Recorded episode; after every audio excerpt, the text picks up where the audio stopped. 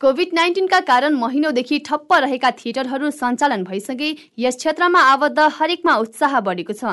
सरकारले स्वास्थ्य सुरक्षाको मापदण्ड अपनाएर भदौ सत्र गतेदेखि नाटक घरहरू खोल्न अनुमति दिएसँगै रङ्गकर्मीहरू अब कसरी दर्शकलाई आकर्षित गर्ने भन्ने ध्यानमा लागेका छन्। काठमाडौँ उपत्यकामा सञ्चालित आधा दर्जन थिएटरहरू अहिले दर्शक आउने अपेक्षाका साथ खोल्न थालेका छन्। तर थिएटर खोल्ने विषयमा सरकारी पहल असहयोगी बनेको गुनासो गर्नुहुन्छ शिल्पी थिएटरका डाइरेक्टर घिमिरे युवराज।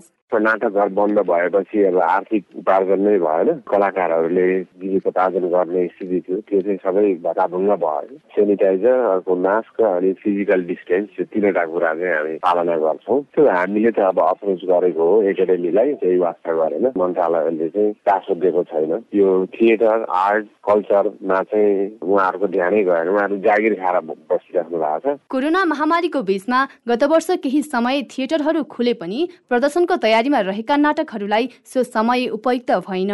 जसले गर्दा प्रदर्शन नै रोकियो। यसपटक भने यस्तो नहुने आशामा थिएटर सञ्चालकहरू छन्। थिएटर सञ्चालनका लागि ठोस योजना आवश्यक रहेको भनाइ छ। नेपाल सङ्गीत तथा नाट्य प्रज्ञा प्रतिष्ठानका सूचना अधिकारी ध्रुव वाग्ले। कोरोना बिस्तारै साम्य हुँदै गयो भने चाहिँ एउटा ठुलै खालको उत्सव गर्ने अनि त्यसपछि अब यो साउन्ड लाइटको थिएटरमा युज हुन्छ नि जुन। त्यस्तोको चाहिँ प्रशिक्षण दिने भन्ने कार्यक्रम छ। बल्ल अब आर्थिक वर्ष सुरु भयो नि त। कार्यक्रमहरू त अब बिस्तारै हुन्छ अब मन्त्रालयबाट बजेट सजेट आउनुपर्ने हुन्छ होइन? सुरुमा चाहिँ ढिलाइ हुन्छ क्या यो बजेट आउनलाई सुरु सुरुमा अब भदौ असोज अब बल्ल बजेट आउँछ होला। त्यसपछि अनि कार्यक्रमहरू बिस्तारै हुँदै जान्छ म्याम। नेपाली समाजमा भएका विविधतापूर्ण असङ्ख्य कथालाई दर्शक सामु ल्याउने काम यस क्षेत्रले गरेको छ।